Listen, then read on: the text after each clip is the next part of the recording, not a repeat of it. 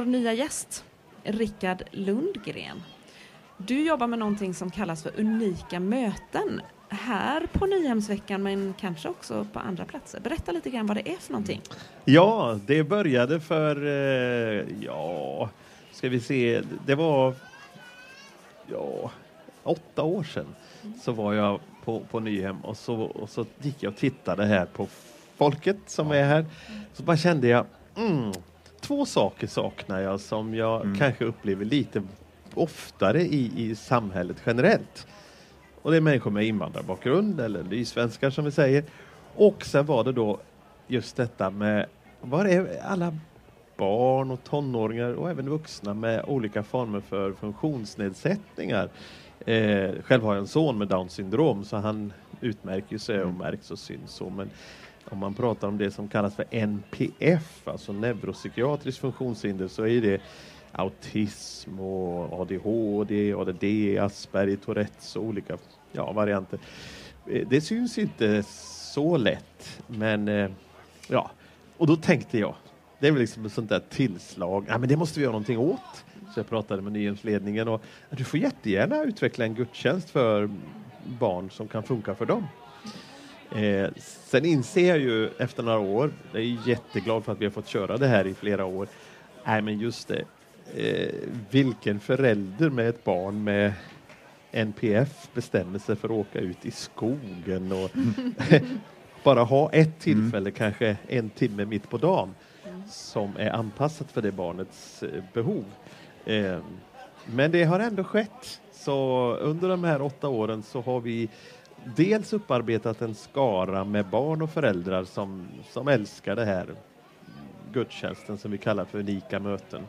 Och vi kallar den för unika möten därför att det är ett unika människor, det är ju egentligen alla, men Ja. men, men eh, om man liksom försöker se dessa då som man står och undrar hur ska vi kunna göra eh, någonting som passar Filip som har ADHD och inte kan sitta still. Hur ska vi kunna göra en gudstjänst för, för Fia som måste göra ett ljud hela tiden och stå och gunga?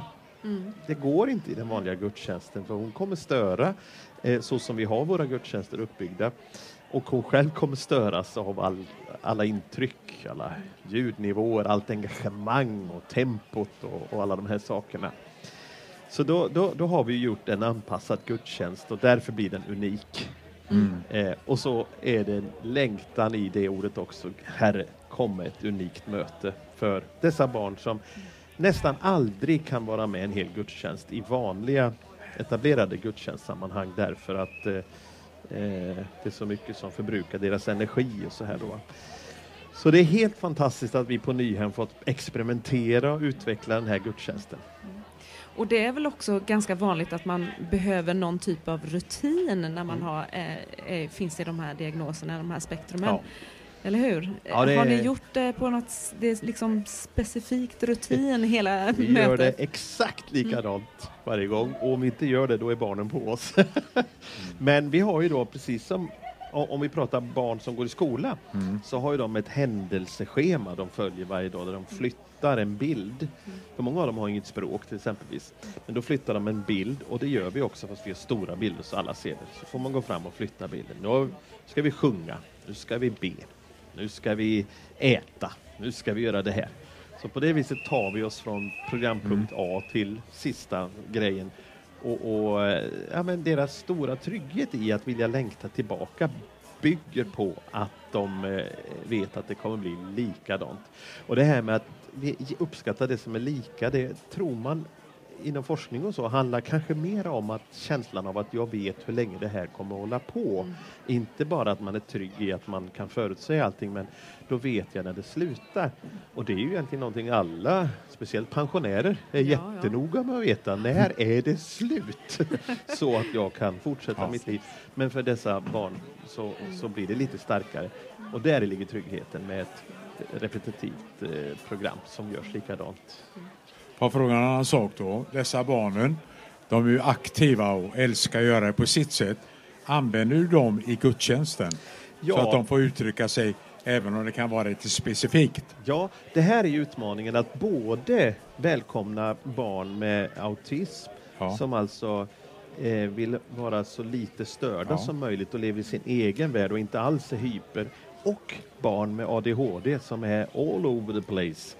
Och det har vi hittat en form för där vi sitter ner som ledare helt stilla i 15 minuter. Varje gudstjänst börjar med att vi bara sitter. Vi säger inget, vi tar inte i någon, vi möter inte blicken. Vi bara sitter. Och då ventilerar de med till exempelvis lite hyper ADHD. Då blir de färdiga. För de känner att nej, här behöver jag inte utforska mer och så sitter de till slut ner med oss. Medan de med autism ser såpbubblor sakta falla ner. Det finns en tv-skärm som visar en fisk som simmar. De hör ett svagt litet syntljud. Och då börjar de vakna ur sin bubbla. Så vi har hittat en balans där på något vis den som är lite eh, eh, senare i att kunna koppla på kommer i fatt och den som är hyper får agera färdigt. Men det är, man får ju alltså sy gudstjänsten vidare tillsammans med de som är där. Så kommentarer som kommer eller ljud som görs, det är gudstjänsten.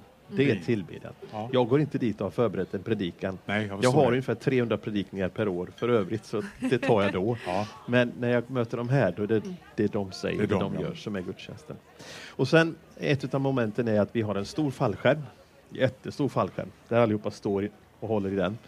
Och så får barnen gå in och, och så är det ett hål i mitten och där sticker de upp sitt huvud. Och då så välsignar vi och ber för dem. Ja. Det är inte alltid de gillar. Nej. beröringen. Nej, Nej. Men att stå på en det är bättre. som Ronja sa, håll dig på en replängds avstånd.